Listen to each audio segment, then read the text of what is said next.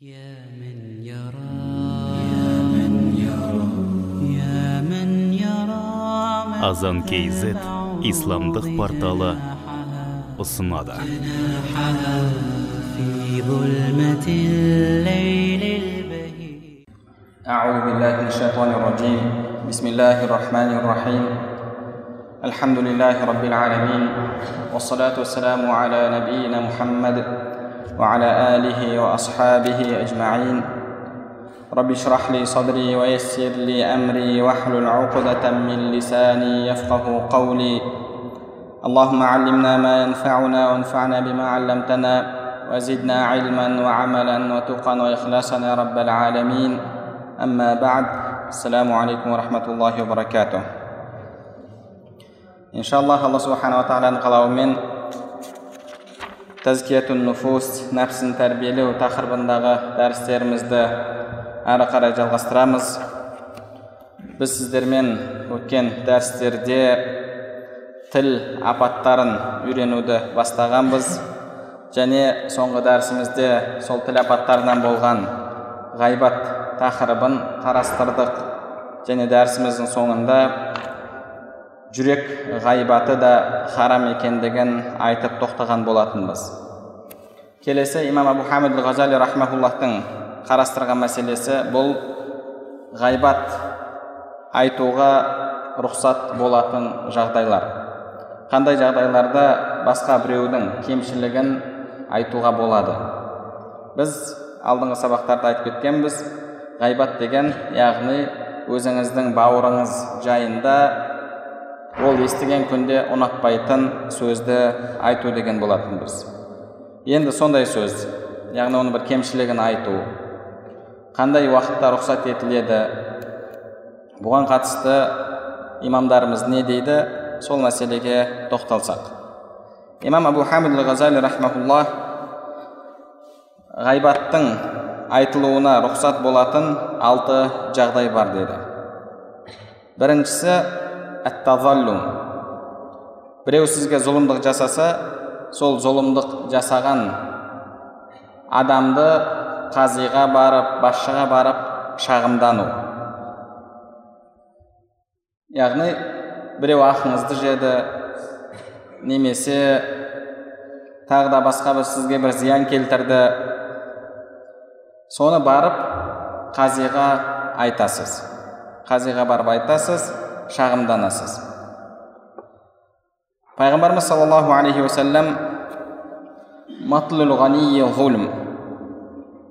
имам бұхари муслимдер келтірген хадисте бай адамның мысалы сізден ақша алса қарызға сол ақшаны қайтармауы зұлымдық дейді. Бай адам деген яғни сол уақытта сіздің ақшаңызды қайтаруға мүмкіндігі болған адам. Басқа бір хадисте сіздің ақыңызды қайтаруға мүмкіндігі бола тұра қайтармаған адамның бұл теріс ісі оны жазалауды және оны әшкерелеуді халал етеді дейді. Оны әшкерелеуді. Яғни сіз барып қазиға барып шағымданасыз.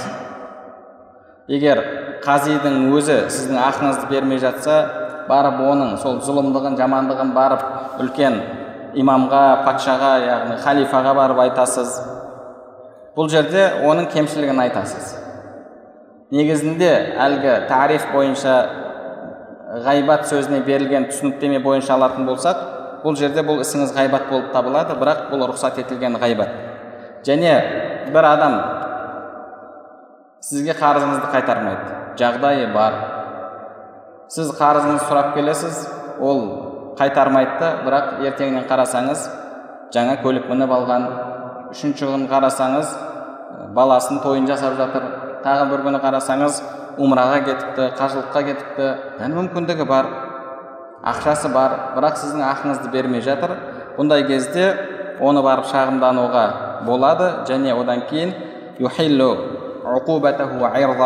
яғни оны әшкерелеу оның жамандығын айту сіз барып адамдарға мына пәленше осындай жаман адам мүмкіндігі бола тұра ақыңды бермейді бұнымен жұмыс істеспеңдер деген секілді осындай сөздерді айтуға болады. Және одан кейін екінші жағдай дейді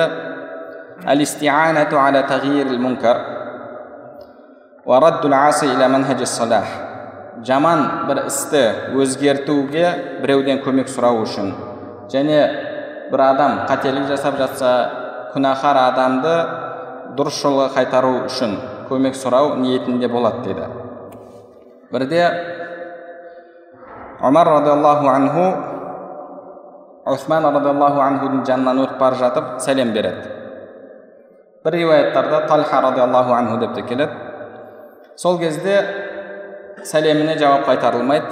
Омар радиаллаху анху не болып қалды бұл неге қайтармай жатыр дейді да ішінде қапа болып өкпелеп барып әбу бәкір радиаллаху анхуге мен османға немесе талхаға сәлем бердім ол маған жауап қайтарған жоқ деп сол жерде ренішін айтады. Әбу бәкір радиаллаху анху адам жіберіп алдырған кезде ол кісі мен бір аятты пікірлеп отырған едім соның себебімен ойым басқа жақта болды оның сәлем бергенін байқамадым деп жауап береді. Бірақ әбу бәкір анху бұл жерде сен неге келіп шағымдандың неге оның бір кемшілігін маған айттың неге ғайбат айтып жатсың? деп айтқан жоқ. Неге себебі? Оның қолында мүмкіндік бар яғни халифа болып тұр. Халифаның қолынан өзгерту келеді. Қолында өзгерту болған адамға барып шағымдану кемшілігін айту бұл ғайбат болып табылмайды. Бұл ғайбат болып табылмайды. Яғни бір жұмыс орнына барсаңыз мысалы қызметкердің мәмілесі дұрыс болмаса ол басқа адамдарға да тура сондай мәміле жасап жатса барып басшысына барып мына қызметкер мына орынға лайық емес мынандай мынандай себептері бар қызметін дұрыс атқармады мынандай қателіктер кемшіліктер кетті деген секілді сөздерді айту бұл рұқсат болып табылады. Және тағы да риуаят етіледі. Омар радиаллаху анху халифа болып тұрған кезде әбу жандал деген кісі жайында хабар келеді. Шам өлкесінде болған арақ ішіпті деген. Сонда ол кісі хат жазып жібереді. Құрандағы аяттарды жазып яғни алла тағала күнәларды кешіруші тәубелерді қабыл етуші тәубеңе кел бұл ісің харам деген секілді сөздерді айтып жазып жібереді әлгі кісі тәубесіне келеді. Және келіп сол істі баяндаған адамға сен неге ғайбат айтып жатсың деген сөзді айтқан жоқ. Яғни қолында өзгертуге мүмкіндігі бар адамды барып шағымдану ә, қолында өзгертуге мүмкіндігі бар адамға барып бір адамның кемшілігін айту өзгерту ниетінде немесе күнәһар болатын болса жақсы жолға қайтару ниетінде онда бұл рұқсат болып есептеледі. Ал егер басқа ниетпен болатын болса онда харам болады. Басқа ниет яғни ниетіңіз өзгерту емес керісінше сол адамнан кегіңізді алғыңыз келіп жатыр немесе әлгі басшыға жағыңыз келіп жатыр бұндай кезде харам болып есептеледі. Және одан кейін үшінші жағдай дейді әлистифта пәтуа сұрау мақсатында. Пәтуа сұрау мақсатында. Барып менің туысқаным мынандай істеп жатыр оның үкімі қалай болады менің күйеуім маған мынандай нәрселерді айтады немесе мынандай нәрсені талап етеді немесе мынандай бір істі маған жүктемекші немесе барып әйелім менен мынандай нәрсе талап етіп жатыр деген секілді. Оның бір қателігін көрсе соның үкімін сұрау үшін барып айтуға болады дейді. Имам абу ғазали бұны ғайбатты айтуға рұқсат етілетін жағдайлардың қатарында келтіреді бірақ имам шаукани рахмауллахтың кітабы бар рафаур риба амма яжузу ла яжузу минал ғиба яғни ғайбаттың қандай түрі болады қандай түрі болмайды деген қысқаша кітапшасы бар сол жерде осы мәселелерді қарастырған кезде ә, бұл оқиғадан яғни қазір біз келтіретін оқиғадан дәлел алынбайды деді бұл жердегі оқиға пайғамбарымыз саллаллаху алейхи уассаламға әбу суфиян радиаллаху анхудың әйелі келіп хинд бинт утба я расулаллах алланың елшісі менің ерім сондай сараң адам маған ақша бермейді мүлдем не істесем болады содан дүниесінен білдірмей алсам болады ма деген кезде пайғамбарымыз саллаллаху алейхи маруф өзіңе бала шағаңа жететінді өзінің орнымен өзінің бағана тиісті мөлшерінде ал деген пайғамбарымыз саллаллаху алейхи вассалам сөзді айтқан еді осы жерде хинд бин утба радиаллаху анха келіп пайғамбарымызға күйеуінің кемшілігін айтты дейді кемшілігін айтқанда пәтуа сұрау ниетінде айтты сол үшін бұндай жағдайда рұқсат болады бірақ абзалы бір адам былай істесе бір адам өзінің туысқанына мынандай іс жасаса қалай болады деген секілді яғни нақты атын атамастан айтқан жақсы болады деді. Бірақ егер келіп айтып жатса рұқсат дегенді айтады. Бірақ имам шаукани рахмаулла бұл жерде әбу суфиян радиаллаху анху де ол кісінің әйелі де енді жаңадан исламды қабылдаған еді. Ә, сол үшін де олар бұл мәселелердің үкімін дұрыс білмейтін сол себепті келіп айтты. Пайғамбарымыз саллаллаху алейхи вассалам олар жаңадан исламды қабылдаған болғандықтан да оған бұл нәрселерді яғни егжей тегжейлі үйретіп отырған жоқ. Деген жауап айтады. Да бұндай жағдайда яғни біреуден пәтуа сұрау үшін барған кезде нақты адамды көрсетпей сұрау керек деді. Нақты адамды көрсетуге болмайды деді. Яғни өзінің күйеуі болатын болса әйелі барып пәтуа сұрайтын кезде ә, бір әйелге күйеуі былай істесе қалай болады? Немесе бір адам өзінің әйелі жайында пәтуа сұрамақшы болса әйелі күйеуіне былай десе енесі мынандай деп еліне шарт қойып жатса деген секілді. Осындай нақты бір адамды ә, көрсетпестен жалпылама сұрау керек деді. Және одан кейінгі төртінші жағдай тахзирул муслими минашшар мұсылман адамды жамандықтан сақтандыру ниетінде дейді мұсылман адамды жамандықтан бір зияннан сақтандыру ниетінде айтуға болады деді.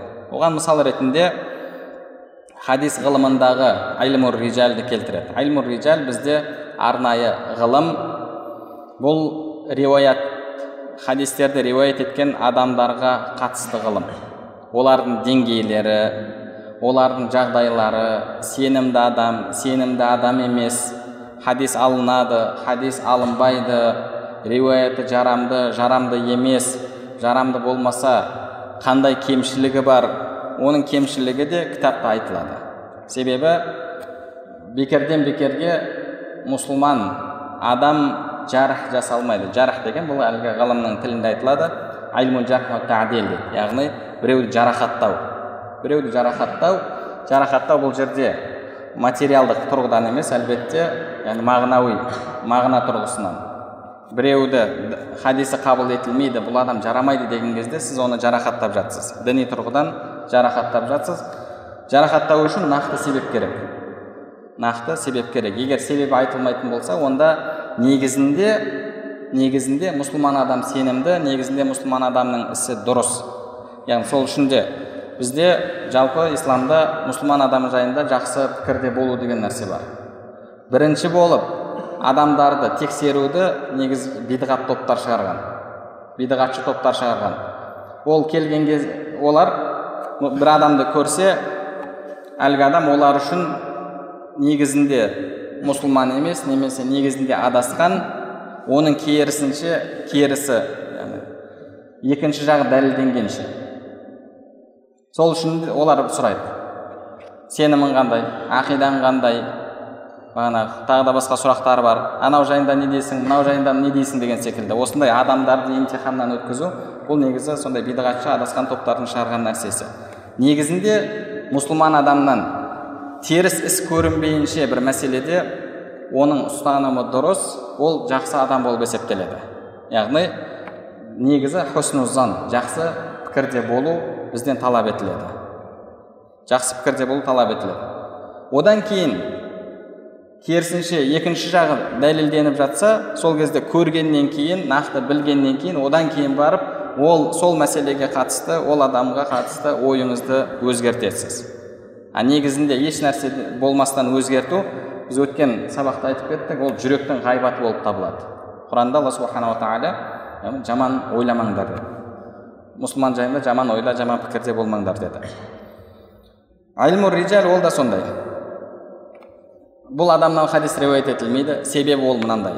Себебі ол кәззаб немесе себебі ол яғни қан, мысалы қандай бір істер бар хадисті қабылдамауға себеп болатын. Ол адамның дәрежесін түсіретін хадисі қабыл етілетін риуаяты қабыл болатын деңгейден түсіріп тастайтын сипаттар бар. Сол сипаттар табылып жатса онда ол адамнан хадис қабыл етілмейді. Сол кезде баян етіледі. Не үшін екендігі? Не үшін екендігі баян етіледі. Ол жерде де қарап отыратын болсақ кемшіліктер айтылады. Бірақ не үшін айтылып жатыр кемшілігі? Сол адамның риуаяты кіріп кетіп мұсылмандардың арасында тоқыма хадистер пайғамбарымыз саллаллаху айтпаған жалған хадистер тарап кетпесін деген ниетте мұсылмандарды жамандықтан сақтандыру үшін бұл ғылым пайда болған. Және ешқандай ғалым осы мәселемен айналысқан адамдарға сен ғайбаттап жатсың сен жаман сөз айтып жатсың деген сөзді айтқан емес.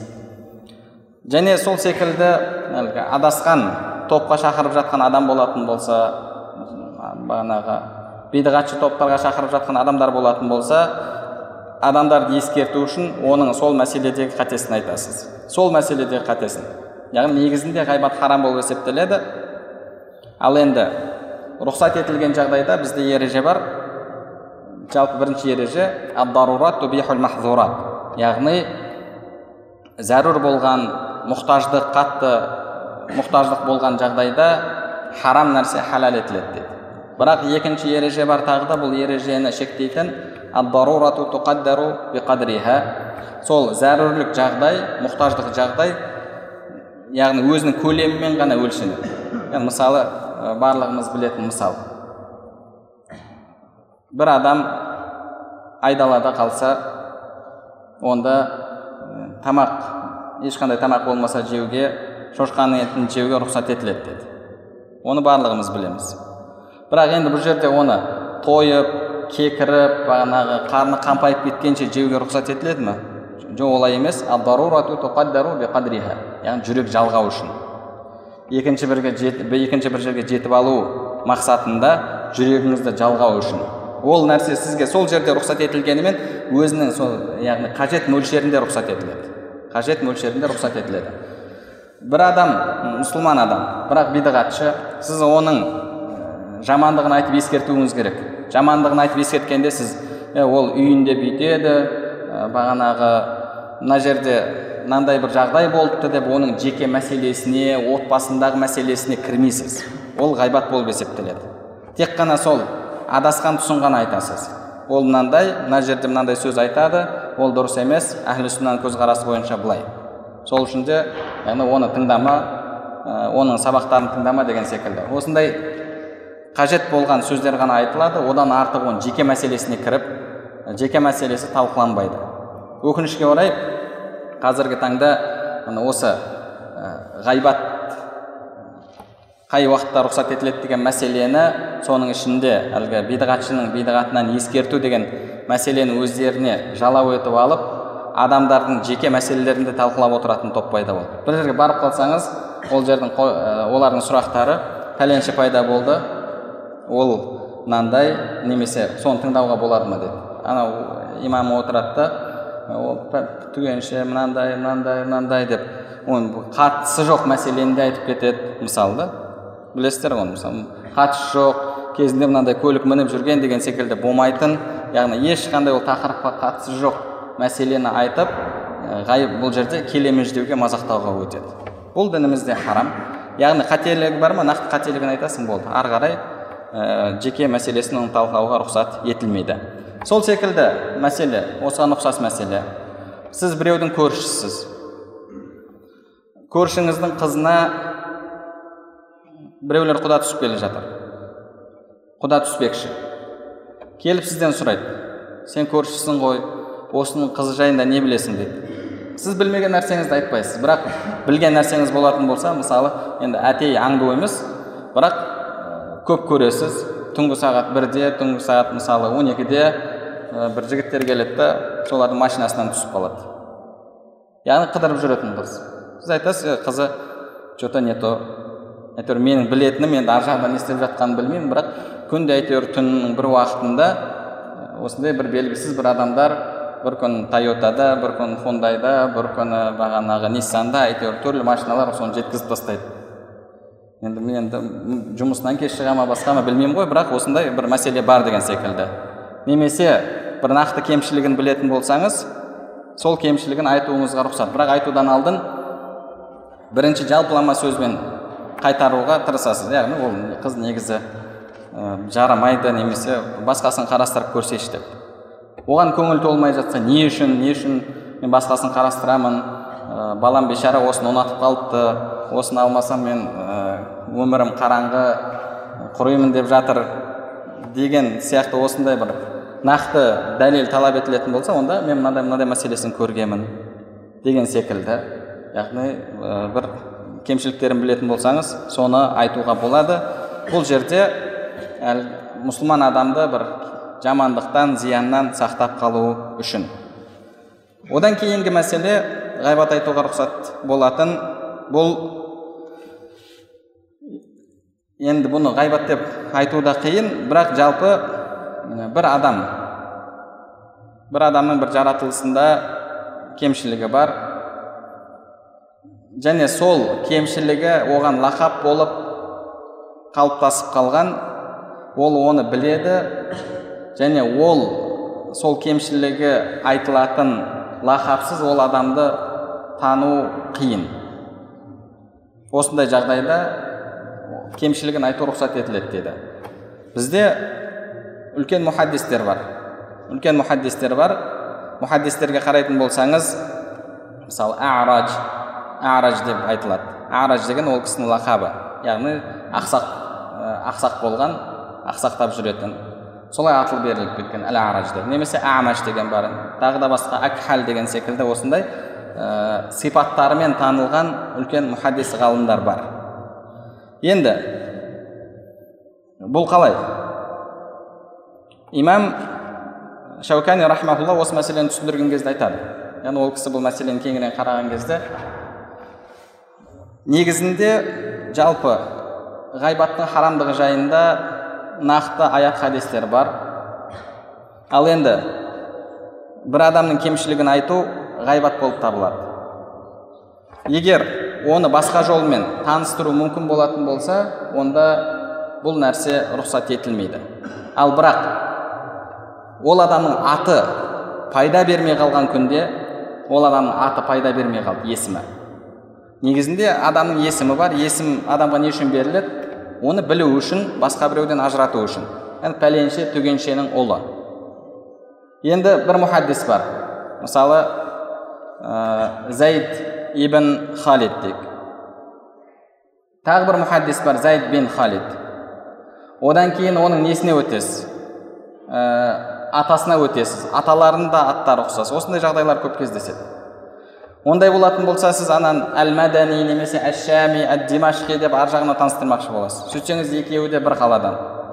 Сондай кезде яғни оның аты пайда бермей қалған кезде онда мынау лақабы оның атының орнына жүреді деді. Есімінің орнына жүреді. Сол кезде қосымша таныстырасыз. Пәленше пәленше әл арадж яғни біреу ақсайтын біреу ақсамайтын болса ана ақсайтын пәленше деп сол жерде осындай жағдайда айтуға болады деді. Яғни ә, бір адамды сіз таныстырмақшы болып жатсыз. Мысалы біреу атын білмейді басқасын білмейді біреумен кездесу керек. Сол уақытта барсаң көресің оны ә, көресің өзі шашы басында аз ғана шашы түскен немесе тазы бас деген секілді бір сөздерді айту таныстыру үшін ол адамды білмейді ондай жағдайда рұқсат етіледі. Ал басқаша таныстыруға мүмкіндік болатын болса онда бұндай кемшіліктерін айту рұқсат емес. Келесі ғайбаттың рұқсат болатын жағдайы егер ғайбатталушы адам сол ісін жасырмайтын болса сол ісімен танылған болатын болса және адамдардың сол кемшілігін айтуы оны ешқандай бір қайғыртпайтын оған әсер етпейтін болса бұндай жағдайда ол адамды сол кемшілігімен еске алуға болады. Пайғамбарымыз саллаллаху алейхи уассаламнан имам ибн аби имам ибн ади имам абу шейхтар келтіреді. Енді бұл хадистің сәнәдінде әлсіздік бар.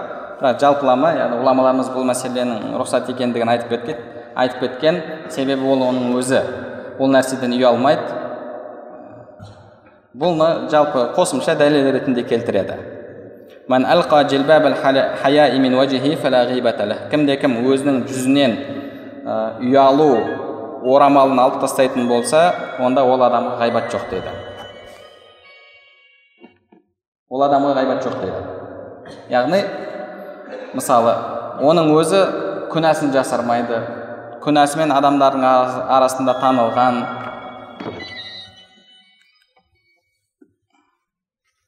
адамдардың арасында күнәсімен танылған.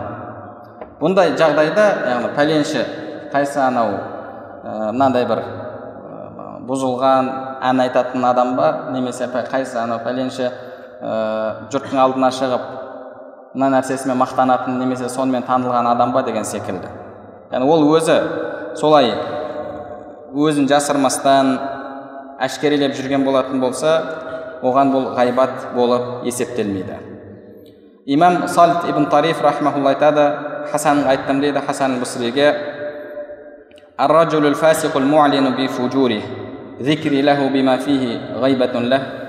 пасық адам өзінің күнәсін әшкере етіп адамдардың арасында сол күнәсімен мақтанып жүрген адам соны сол кемшілігімен еске алсам ғайбат па деген кезде қаләлә жоқ ғайбат емес деді және сол секілді имамдарымыздан да келетін сөз бар. Имам хасаннан тағы да келеді.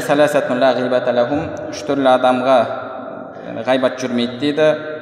Бірі сахибул хауа біреуі әлгі бидғатшы. Одан кейін немесе көңіл қалауына еруші екіншісі пасық және пасықтығын жасырмайтын адам дейді.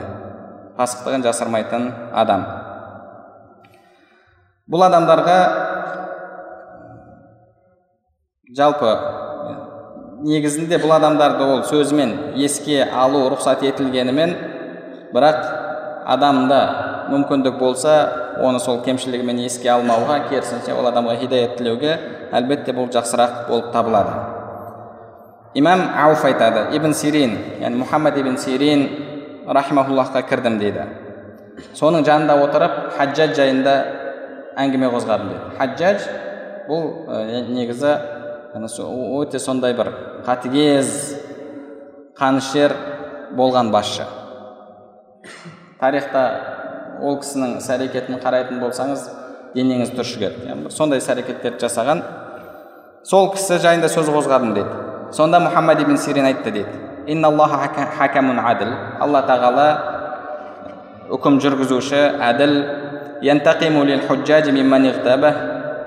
ертең қияметте хаджажды ғайбаттағандар болатын болса солардан кегін алып береді хаджаждың және және кімге хаджаж зұлымдық жасаған болса хаджаждан сол адамдарға алла тағала кегін алып береді дейді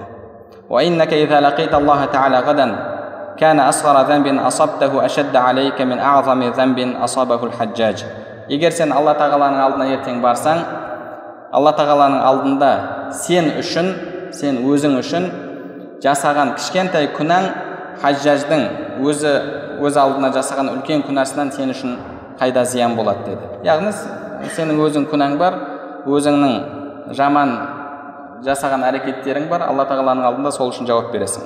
Сол үшін жауап бересің.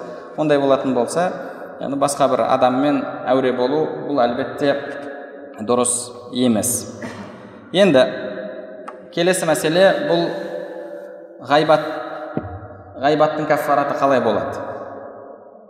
Имам абу хамид ғазали айтады.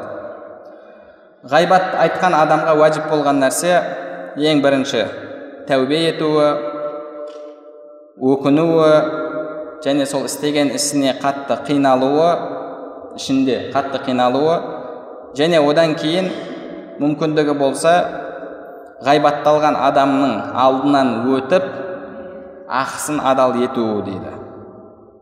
Және оның шарты алдына барған кезде барып ақыңыздың ақыңызды адал етуін сұраған кезіңізде жүрегіңізде өкініш жүрегіңізде қиналу болуы қажет.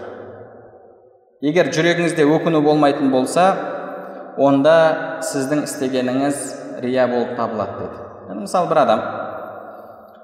Барды да екінші бір адамға субханалла мен сені осындай жерде ғайбаттап қойдым сен туралы жаман сөз айтып қойдым. Кешірші енді ертең алланың алдына барғанда сауабымнан беріп жүрмейін осы дүниеде ақымды адал етші деген секілді осындай бір сөздерді айтып көзінен көзіне қарасаңыз өкініп тұрған адамның түрін ұстайды бірақ жүрегінде өкініп тұрған жоқ. Бұл адам рия жасап жатқан адам деді. Бұл адам рия жасап жатқан адам бұның яғни бұл ісі алла тағаланың алдында рия жасаушылардың ісінің қатарында. Жүректе өкіну болу керек және сонымен бірге барып оның алдында ақыңызды адал етуіңіз қажет. Ал рия жасау бұл өз алдына күнә болып табылады. Имам абу хамид ғазали рахмаулла айтады имам хасан және тағы да сондай бір екі ғұламалар имам мужахид секілді истихфар айтсаң алладан кешірім сұрасаң жетеді истихлал жасау яғни барып ғайбатталған адамның алдынан өту оның кешірімін алу міндет емес деген сөзді айтады. Бірақ имам абу хамид ғазали рахмаулла бұл пікір негізі әлсіз пікір болып табылады дейді. Осы пікірді қолдаған кейбір ғалымдар айтқан бұл бір материалдық бір шығын емес оны қайтарып беретіндей ал мысалы біреудің бір затын алып қойсаңыз тәубе еткен кезде барып затын қайтарып беруіңіз керек. Ақысын жеген болсаңыз барып оның сол ақысын қайтаруыңыз керек. Ал енді бұл жерде ондай қайтаратын еш нәрсе жоқ. Бұл арат дейді арат яғни материалдық бір нәрсе емес оны қайтаратындай. Сол үшін тәубе етіп истиғфар етсең, етсең болды деген сөзді айтады. Бірақ имам абу хамид бұл дұрыс емес дейді себебі мысалы дінімізде хаддул қазф деген нәрсе бар хаддул қазф егер сіз біреуге жала жапсаңыз зинада айыптап әйелге немесе еркекке жала жапсаңыз оның жазасы бар жазасы бар құранда алла субханала тағала ар намысы пәк таза мұсылман әйелдерді зинада айыптаушылар егер төрт куәгер алып келе алмаса оларға сексен дүре соғыңдар деді сексен дүре соғыңдар енді бұл жерде ол оның материалдық бір ақысын жеп жатыр ма? Ақысын жеп жатқан жоқ. Бұл да арам. Яғни оның ар намысы бұл бір материалдық нәрсе емес. Бірақ сол үшін дініміз жаза бекітті. Ондай болатын болса ғайбат та тура сондай. Яғни барып алдынан өту керек оның кешірімін ғайбатталушы адамның кешірімін алу қажет. Және пайғамбарымыз саллаллаху алейхи уассалам осыған қатысты айтады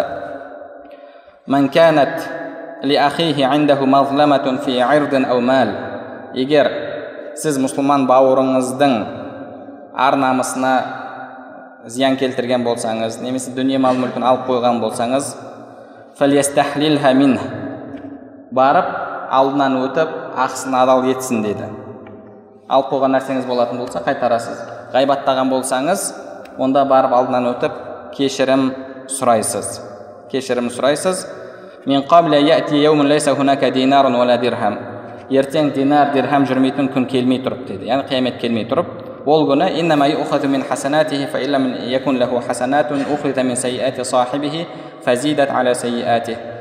ол ғайбаттаушы адамның сауап ісі болмаса онда ғайбатталушының күнәларынан алынады да ғайбаттаушы адамға қосып беріледі деді енді қалай барып айту керек бұл жайында ата ибн аби рабах айтады ғайбаттан тәубе еткен адам не істеу керек деген кезде ол кісі айтқан сол ғайбатталушы бауырына барады бауырына барып мен сен туралы осындай сөз айттым және саған зұлымдық жасадым егер қаласаң ақыңды ал қаласаң кешір деп осылай кешірім сұрауы қажет деді кешірім сұрауы қажет енді ол адам дүниеден өтіп кеткен болатын болса немесе ол адам яғни басқа жаққа кетіп қалған болатын болса немесе барып айтқан күнде одан да үлкенірек бір зиянға душар болатын болса мысалы кейбір адамдар бар кешірмейді ол адам сол жерде оны ұрып соғуы мүмкін оған бір зиян келтіруі мүмкін ондай жағдайда сыртынан сол адам жайында жақсы сөздер айтады. Егер жақсы адам болатын болса жақсылығы болатын болса және сол адам үшін алла тағаладан кешірім сұрайды истиғфар айтады істеген ісіне өкінеді. Осы жеткілікті болып табылады. Осы жеткілікті болып табылады. Ал егер түсінетін адам болса танитын адамыңыз болатын болса онда барып пәленші мен сені ғайбаттап қойған едім кешір деп кешірім сұрауы қажет. Енді ғайбатталушы адамның кешіруі міндет пе? Кешіруі имам абу хамид ғазали айтады міндет емес мұстахаб дейді міндет емес мұстахаб дейді себебі кешіру бұл тафаддул яғни бір оған жақсылық жасау дейді ал жақсылық жасау міндет болып табылмайды ондай болатын болса кешіру міндет емес дейді ал бірақ кешірім сұраушы адам барып жақсылап өкініп кешірім сұрайтын болса және қолынан келгенше ол адамға жақсылық жасаса жүрген жерінде ол адамның жақсылығын айтып жүрсе және және сондай ақ ол адамға қолынан келгенше бір материалдық мысалы бір жағдайлар жасауға мүмкіндігі болса сол нәрселерді жасап тұратын болса онда иншалла сол ісі өкінуі оның әлгі күнәсына өз алдына каффарат болады деген көзқарасты айтады. Осындай көзқарасты айтады. Және кейбір алдыңғы сәләф ғалымдар жайында келтіреді. Имам саид ибн мусайиб рахмауллах кім маған зұлымдық жасаған болса мен ол адамның ақысын адал етпеймін деген сөзді айтқан және имам ибн сирин айтқан мен оны харам еткен жоқпын мен оны оған адал ететіндей деген сөзді айтқан яғни бұл жерде әлбетте имамдарымыз айтады бұл бұл жерде адал ету мәселесі емес сіз оған оны адал етіп бермейсіз тек қана өзіңіздің ақыңызды кешіресіз өзіңіздің ақыңызды кешіресіз әлбетте бұл сіздің қолыңызда болған нәрсе болып табылады. Енді кейбір адамдар мен қайсы бір адам мені ғайбаттаса жамандаса оны кешіремін дейтін болса кешіремін деп айтса бұл айтуы яғни оған міндет болып қалады ма? Имам абу хамид айтады бұл уәде дейді. Қаласа кешіреді қаласа ақысын талап етеді деп. Бұл уәде яғни осылай істеймін деп уәде беру. Бұл нәрсені істеу міндет болып табылмайды дейді.